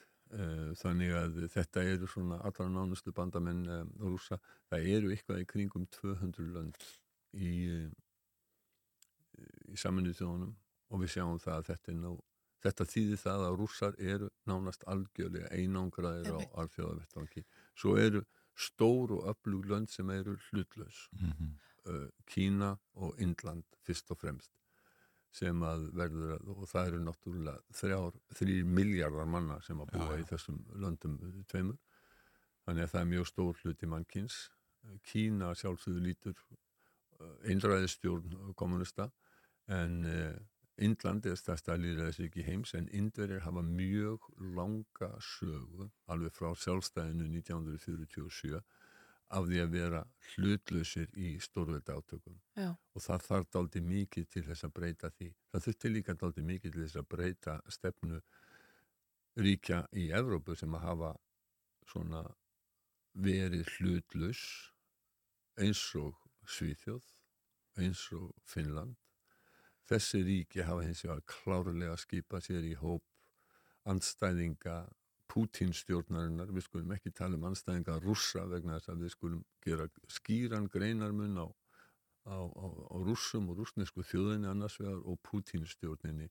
Pútín er einræðsara, hann er uh, sífælt meiri harstjóri en, en uh, og það er, eru hans aðgerði sem er verið að mótmæla en að sjálfsögðu bytnar það á, rússum. Sko, Pútín hefur tekist það sem að uh, engum öðrum hefur tekist, ekki Donald Trump sem að hótaði öllu íllu ef að Európaríki íkju ekki framlagsitt til NATO og varnarmála upp yfir 2% af þjóðatekjum. Þjóðverjar, Danir og fleiri þjóðir hafa urðu ekki við þessu en eh, Putin hefur tekist það að, að ég á einu vetfangi að snúa við þeirri stefnu þjóðveri að skipta sér ekki af hernaðar átökum uh, erlendis uh, og að uh, verja tiltölulega litlu til varnarmála, minnugir ógnarverka þíska hessins í, í, í, í síðari hinsturöldinni en uh, núna hefur þetta kortvekja snúist við 1, 2 og 3 Einmitt. og samstaða Evrópuríkja, þetta er sko eins og Putin hafi gefið Evrópusambandur til dæmis uh, sko stera fylta vitaminsbrötu vegna þess að bandalegi sem er nú frekar svifaseint í öllum uh, sínum aðgerðum og tekur langan tíma að komast að niðurstöðu. Þar erum við að tala um ekki vikur, heldur mánuði í bestafalli og ár ofta að núna á nokkurum dögum að þá samþykir eh, Evrópusambandið og önnur vestræn ríki mjög harðar refsi aðgerðir. Það eru svo harðar að það eru sumir sem að lýsa yfir því að þetta séu í rauninni sé þetta efnahagslegt stríð. Já, og sko Úgræna hefur haldið áfram að byggja um aðstóð alþjóðsamfélagsins og, og meðal annars sóttum að fá aðelda að Evropasambandinu. Er líklegt að það gerist? Nei, það er ekki líklegt. Við skulum heyra þegar að Vol- Volodymyr Selenski forseti bað um það að þeir fengju sér meðferð og skyndi yngöngu í Evrópusambandi Звертаємось до Європейського Союзу щодо невідкладного приєднання України за новою спеціальною процедурою. Spesiali prosedúri, segir hann, og um, það er hins vegar yngar líkur á að Evrópusambandi verði við þessu og uh, uh, það uh, er nú svo að uh, ég var að hlusta á, á í, í danska útvarpinu í gær, þar var um, í, í morgun þætti þeirra, þar var rætt við Jakob Tolstrup sem er um, professor og sérfræðingur í háskólinni Árósum minni mig sem að sagði það að þetta myndi gerast Evrópusambandi hefði einu sinni íhugað að hafa einhverja svona hrað intöku og það var þegar að Íslendingar uh, voru í umsóknarferli Já. sem var síðan náttúrulega var dreigið tilbaka með stjórnarskiptum 2014 uh, en það væri mjög ólíku að saman að jafna Íslandi og Úkrænu heyrum í Jakob Torstrup Nej, der findes ikke sådan en, en, en særlig procedure, hvor man kan få en forlom og komme, komme forrest i, øh, foran i køen. Mm. Øhm, man snakkede om, om sådan en, en, en hurtig procedure, i, der, der var snak om, om Island eventuelt skulle være medlem øh, for et par år tilbage, men, men de, de planer blev igen skrinlagt. Men Island er jo også et helt andet sted, både økonomisk og demokratisk, end Ukraine er i dag. Så for et land som Ukraine vil der ikke være nogen smutveje til EU-medlemskab. það verða það verður engin hraðleiðin í Evrópusambandi því miður og þeir er byðla um að alþjóðlega aðstof en svo er náttúrulega líka ljóst fyrir þá sem ekki vita að allarsasbandalagið mun ekki, mun ekki skipta sig að þessum átökum að öðru leiti heldur en því að senda vott til Úkrænumanna og þau fara ekki beint til Úkrænu, þau fara til Pólans og Úkrænumenn þurfa að sækja þau þanga Já. vegna þess að ef við sendum vott beint til Úkrænu að þá væri hægt að líta á það sem beina hernaðaraðgerð gegn eh, gegn rússum. Og þá erum við komin í allt, allt, allt aðra, aðrar aðstæður í, í heiminum og miklu, miklu hættulegri heldur en að þær eru uh, núna. En sko þessi átök snúast það ykkur leiti um svona, já, vilja úkrænumanna til þess að ganga inn í NATO uh, verður, sko, verður ykkur hrað aðeld veitt að allandshafsbandalæðinu fyrir þá? Nei, sko bandaríkjaman gáðu það í skín 2008 og Búsingri fórseti að, rétt á hann hætti að úkrænumenn uh, ættu möguleika á yngöngu í uh, NATO. Já. en á þeim tíma þá komuð þjóðverjar í vekk fyrir það og ég, það, það stóð ekki til að allarsasbandalæði NATO að það hlifti úkrænumönnum inn. Það var allt og mikið sem að stóð í veginum þar á meðal þau átök og það stríð sem að verið hefur í austurluta Úkræninu frá, frá 2014 það, það, kom, að, það kom aldrei til greina að, að það gerðist en um, það sem að mig langar að gera núna er að uh, benda ykkur á að uh, það er uh, víða um heim Mm. sem er verið að beita rússa mjög harkalegum refsiðagjörðum og eins og ég talaði um áðan talaði um jafnvel efnahagslegt stríð. Já, og meðal þess sem að er verið að gera er verið að útiloka fólk við heldum áðan að, Já. að, að uh, Íþróttamenn frá Hvítarúslandi og Rúslandi fá ekki að taka þátt í olimpíumóti fatlara rúsneskir listamenn verða fyrir þessu barðinu en við skulum ljúka þessu spjalli með því að minnast á að íslenski tónlistamenn eru virkið í að fjalla um þessa skelvilegu atbyrði og það er Facebook síða sem heitir We Sing for Ukraine það sem að leikið er uh, Heyr himnasmiður eftir Þorkel Sigur Björnsson um, og þ- við skulum minnast líka það að það er samstöðu söngur fyrir utan uh, rúsneska sendiráðið klukkan núna bara á eftir eftir rúman hálftíma. En ég vil gætna ljúka þessu á því að spila verk sem hafa leikið í upphafi symfóníu tónleikana í gertkvöld, verk sem hafa var ekki á efniská, við skulum heyra höllu, Oddni, við skulum heyra kynningu höllu Odnýjar Magnúsdóttur á tónleikunum í gertkvöldu og rétt að ég taki það fram að, að ég klifti út þögn sem var ríkti áður en að symfónían hófa að leika sálminn Sofðu Jésu. Við sem stöndum og sitjum hér á þessu sviði erum ekki ónæm fyrir þeim skelvilegu atbyrðum sem nú eiga sér stað á heimsviðinu. Við ætlum þess vegna að hefja þessa tónleika á verki sem ekki var auglýst í efnisgrá, litlum sálmi úr smiðju úkrænska samtíma tónskáldsins Valentíns Silvestrófs. Verkið er uppálega samið sem eins konar vögguvísa fyrir sjálft Jésúbarnið og á þannig ágætlega við þegar við sínum samhug þeim smáu og varnalausu sem stríð bitnar æminlega harðast á. Nú skulum við sitja hljóð í augnabliks andakt og heyra sálminn hans Silvestrófs Sofðu Jésu.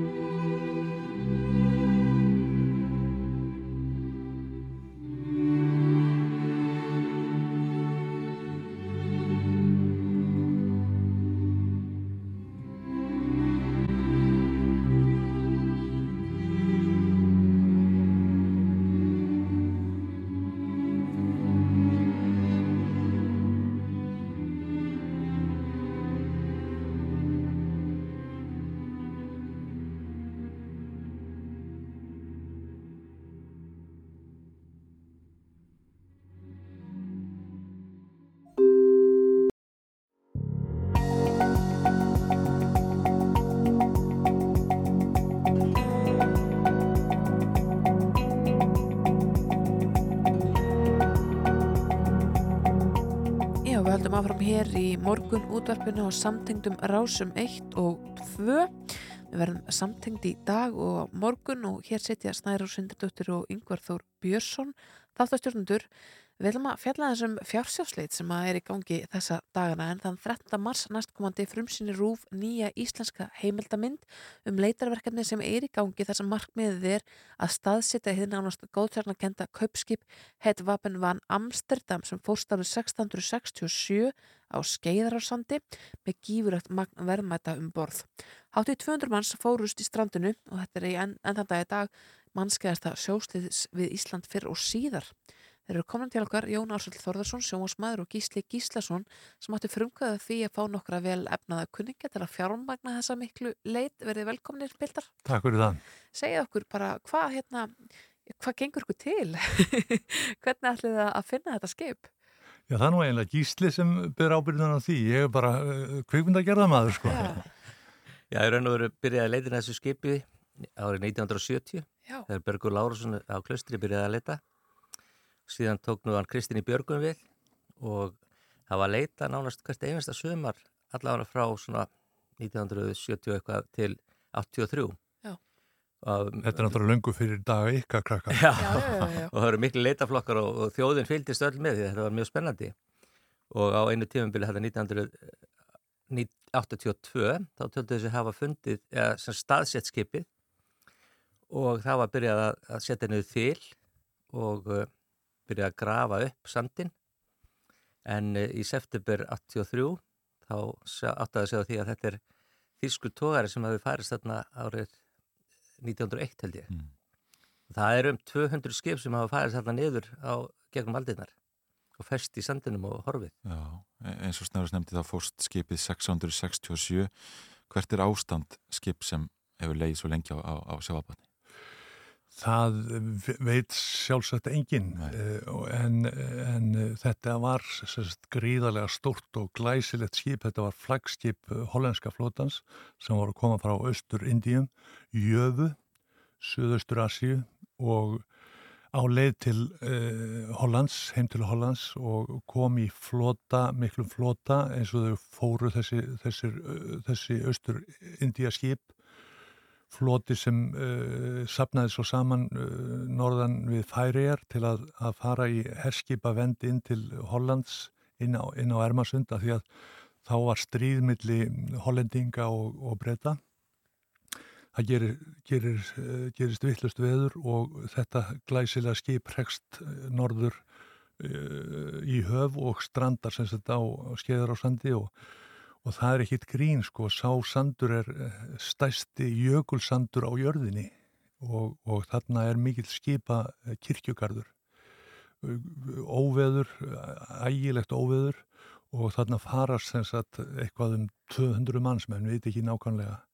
Og fólk sem uh, rekist, rekst um sandin í, í óveðri og kulda og trekki Sko hvernig reknið þið út hvar þið eigið að leita? Skera svona auðvitað gríðara stór og, og það er ekki þannig að maður mæti bara með, með skópulsettið í sandkassan og byrja að grafa. Það er akkurat málið, þetta er stort svæði og, og, og það er búið að breyta sandurinn mikið í gegnum aldinnar og hérna þannig að, að það er erfitt að menn vita svona sirka hvar það fóru niður en síðan hefur það reyfst í sandunum og sumir vísið að með segja nú að það getur verið alveg heilt bara eins og vasaskipið í, í Svíþjóð Já. Eh, annars aðri segja að það sé búið að kremjast og eðilegast og, og hérna aftur á móti þá er vitað að þessi skip þau svona sapna saman svona í sandinum. Og við erum eh, sem sagt í gamla daga þá var leitað bara með svona eldri tækjum og, og það var mjög sem sagt vafasamt þeir hefðu nokkuð til að fundi skipið þegar það var ekki mikið því. Það var kopar og, og lélegt játn í, fallbissunum og, annað. En eh, í dag hefur tækninni fleikt fram náttúrulega og árið eh, hérna 2019 þá fórum við þetta með hópa af, af rústanskum og ukrainskum hérna vísnamunum sem hafðu fundið hérna herflugur sem fórst á Grænlandsjökli 1943 held ég sem hafa verið leitaði mörg mörg ár fundan undir, undir ísnum. Já. og þeir voru að nota sérstakar tækni og, og dróna. Þannig að við pröfuðum drónan á sandinum sömur 2019 og við gáttum fundið marga af þeim punktun sem að leitarmenn höfðu fundið í gegnum tíðina skiljur. Þannig að við fundum nánast á kannski 48 tímum þar sem menn höfðu fundið á 20 árum. Já. Og eh, síðan var stefna svo að það er komið með mannskapinn aftur sem sagt sömari 2020 og þá er þið bara skannaður allur sandurinn og það myndi taka svona einn mánuð eitthvað slíkt og s- skannið fyrir bara og hann er eh, rétt fyrir ofan hérna, fjöru, eða, hérna, bor, hérna landið. Og uh, hann myndi bara gera þetta í róleitum, skanna bara alveg allt svæðið og þetta er bara þólimaðisverk að láta hann vinna. Og síðan eru þau unnur úr gögnunum og þá töldu rúsarnir sig að þeir getur fundið nákvæmlega staðsetningu skipsins í sandinum og geta valið úr eitt af þessum 200 skipum eða 100 af hvað sem verður mörg. Eh, síðan kom COVID, þannig að þeir komist ekki þá og eh, þannig að við ákvæmum að býða heldur COVID væri búið og nú er COVID að klárast og eh, þá var stefnun að koma núna í sumar en þá fe- fer Pútin í þessu vittlisu sem er í gangi núna þannig að það er styrjöld. Já, ég hef ekki náðið þá ennþá hérna í síma eða í meili hefur ekki svarað því þannig að við bara býðum og vona að heyri stíðum klóðlega. Og þetta eru rúsneskir og úkrænskir vistamenn sem Já. verður það að vinna saman að þessu Já, verkefni. já, þetta er miklu vinnir og komið hlutaðum hérna sem sagt 2019. Og það var þá sem við komum inn við uh, Stengrimur Jón Þórðarsson og fórum að mynda. Eh, og, og hérna við erum búin að vinna saman í ára tíu og, og, og, og þetta, þetta var sem sagt upphafið að þessari heimildamind sem á að fara að sína núna í, í, í, í hérna 13. mars. Og sonur þinn, hann gerir tónlistina fyrir þessa mynd. Já, við, eh, Lord Pursvip, hann, uh, hérna, við höfum unnið áður saman, uh, hann gerði tónlistina við útastætti sem ég var með um Jólin, um Jón Indiafara og, og uh, það var sem sagt, hann hefur verið að vinna þessu með okkur líka. Heyrum kannski stutt brot bara úr þessari tónlist.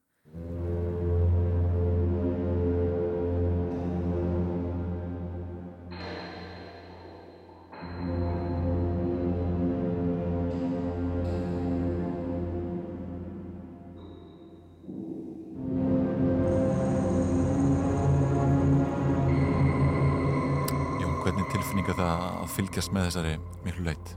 Jú, þetta er náttúrulega bara uh, geggjað uh, að leita gulli, leita gullskipi og ef að skipið finnst, þegar og ef skipið finnst, þá verður það, uh, þá breytir það, þá er það náttúrulega, þetta eru fornminjar, þannig eru, þannig eru til dæmis fallbissur, gamlar fallbissur frá, frá 17. öld, skipið er...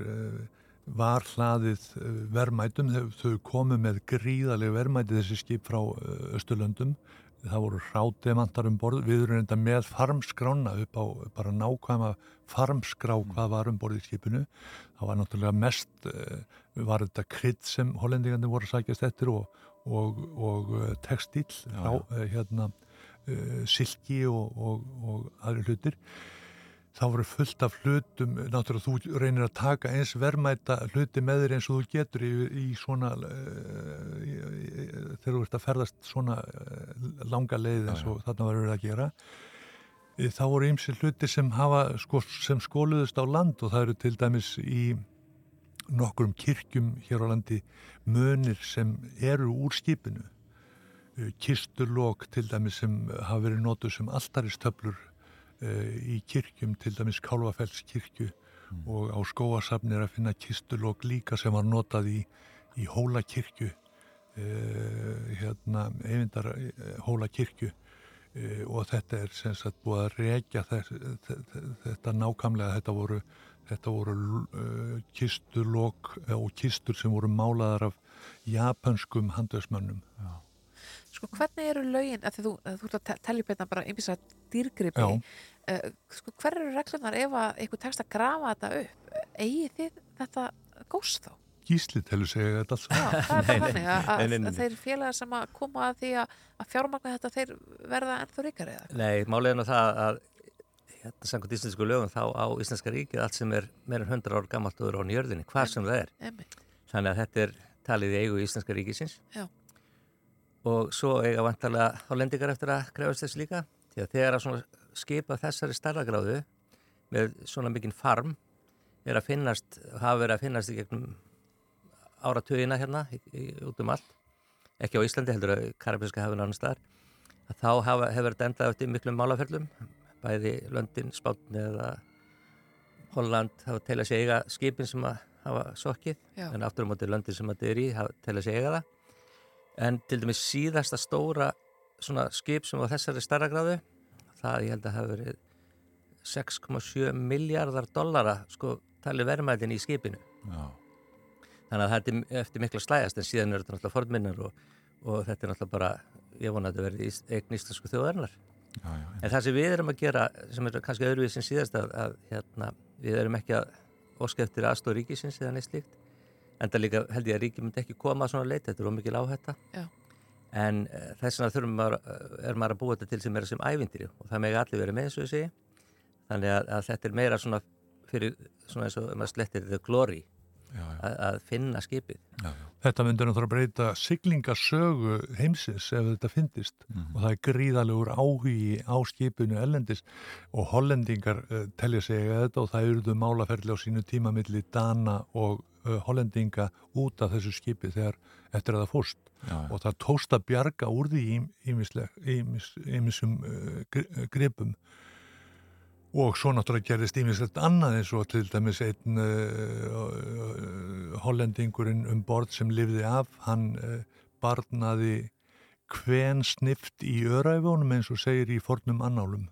Já. Þannig að það eru hér Íslendingar uh, í dag sem eru komnir af uh, hollendingu sem voru um borð í skipinu, Hedvapen, fann Amsterdam. En Þetta skip, uh, það strandar 1667, er möguleiki reynlega að uh, já, heimildir séu rángar. Þetta sé ekki á skeiðarsandi heldur einhvers staðar annar staðar. Nei, Íslendingar skrifa og hafa skrifað allt niður hjá sér uh, og þó þeir hefðu ekki annað en skóna sína til að skrifa það á. Já, og þetta eru, það eru uh, þetta er, kemur fram í mörgum annálum og, og þetta er er uh, gríðalegar upplýsingar um, um skipið og strandið. Já, sko hvernig greint frá þessu í, í annálum? Er, er alveg skýrt í, í huga Íslendinga hversu mikið skip þetta var?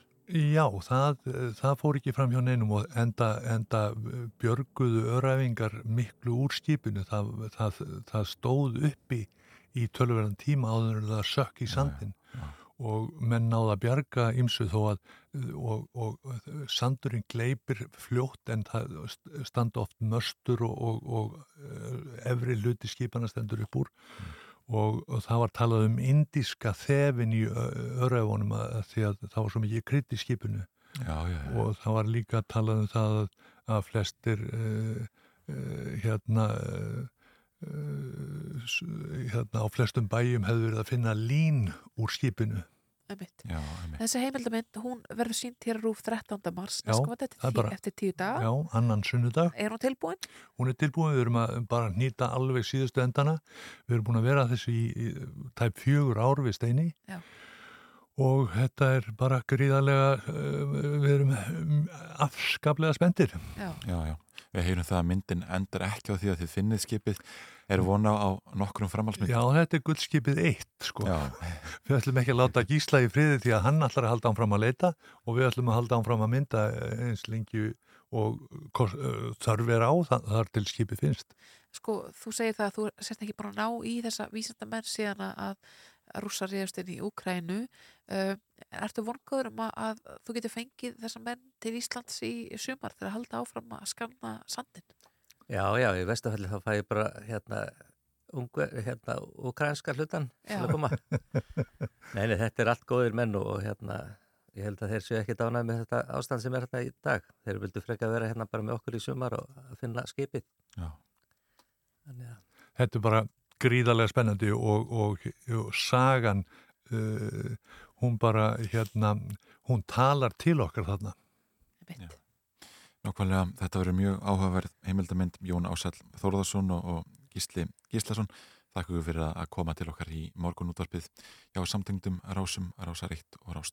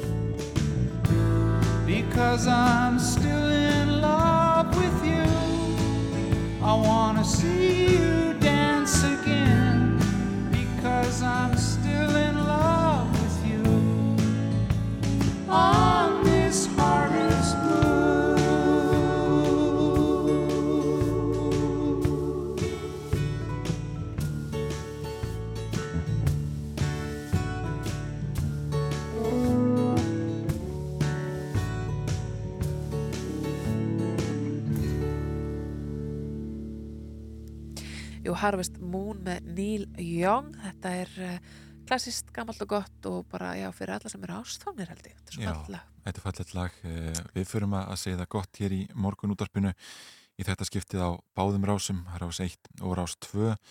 Við erum að samkera þetta í dag já, vegna forfalla. Já. Eh, Við erum alltaf vanalega á, á, erum að vakna með hlustundum rásar 2 en í þetta skiptið fengum við að, að bjóða hlustundur rásar 1 góðan daginn og, og, og okkur þótti Já, væntum það hlutverk og fáum að gera það aftur á morgun. Einmitt og þátturinn tók að sá svolítið mið af því að við værum á báðum stöðum hinga klukka upp á klukkan 8 þá kom til okkar Bói Ágursson með heimsklukkan sinn sem hann er alltaf jafna með á 50 dögum uh, hjá rás 2001 hann fór yfir ástandið í Úkrænu spilaði fyrir okkur sálm og, og hérna uh, já, var með ýmis hljóðbrot tengd vilja úkrænskra yfirvalda til að ganga mjög skyndilega inn í Evropasambandið sem að verður, já bara líklega ekki, það verður ekki orðið við þeirri byðni. fá hvorki að gangin í allarsafsbandalæðið nýja Evrópusambandið. Einmitt. Okkur langaði náttúrulega líka að ræða úr stutt við hann um stjórnmálástandið í færum, við komumst ekki svo langt Nei. en það, ég hætti að ræða ástandið í Úkrænu í marga klukkutíma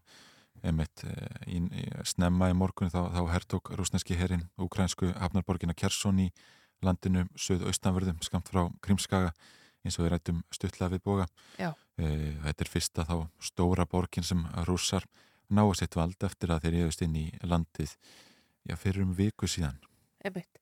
Uh, svolítið forunilegt það sem að, að bója að tala um hér varandi færiks stjórnmál það var, var uh, ráþara sem þurfti að segja af sér vegna þess að hann hafði já, verið tekin fyrir uh, ölfurundi stýri, ekki satt? Jú, það er allavega ja, þannig er talað að, að hann er fengið til að hætta formensku í, í fólkafloknum í færium og að segja af sér e, e, sko, sem fjármálar á þeirra þegar það spurðist út að hann hefði verið staðan að því að aka undir áhrifum. Þetta er Jörgen Niklasen sem ofta hefur verið rætt um. En hann var nú þegar í mótbyr innan flokksins áður en hann var tekin undir áhrifum. Færiska stjórnin fjallnæstum í desember í fyrra að þá reyndi Niklasen að koma í veg fyrir að frumvarp stjórnar anstöðunar um aukinni réttindi samkynniðra maðura kæmist í gegnum lögþingi með því að bóla Annika Olsen úr þingsæti þannig að það hefur mikið gengið á þarna og þetta hefur bæst á Einmitt. Það bárust fleiri svipuð tíðindi frá öð, öðrum Norðurlundum í gær, Hatja Tasik, vinnu og félagsmálaráðara Norex.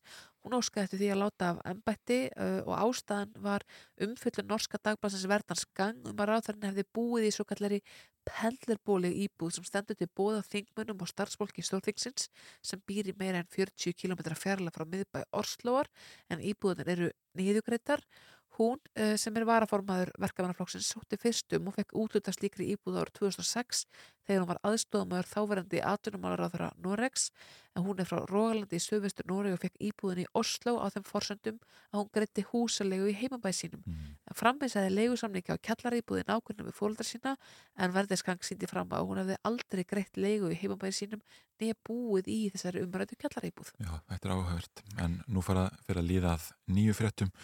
þetta og við þökkum fyrir samfélgin í dag. Það er rétt að minna það að það er að nálgast allt okkar efni inn á VF Rúf.is. Þar á meðal stórmerkilegt viðtal við Jón Björgvinsson, fréttaritara Rúf í Úkrænu sem sað okkur frá stöðinu þar og fjallaði svona almennt um störf sín sem stríðsfréttaritari. Emitt, en við þökkum fyrir okkur í dag Snæra Sundardóttir og Yngvar Þór Björnsson á samtenglum rásum 1 og 2.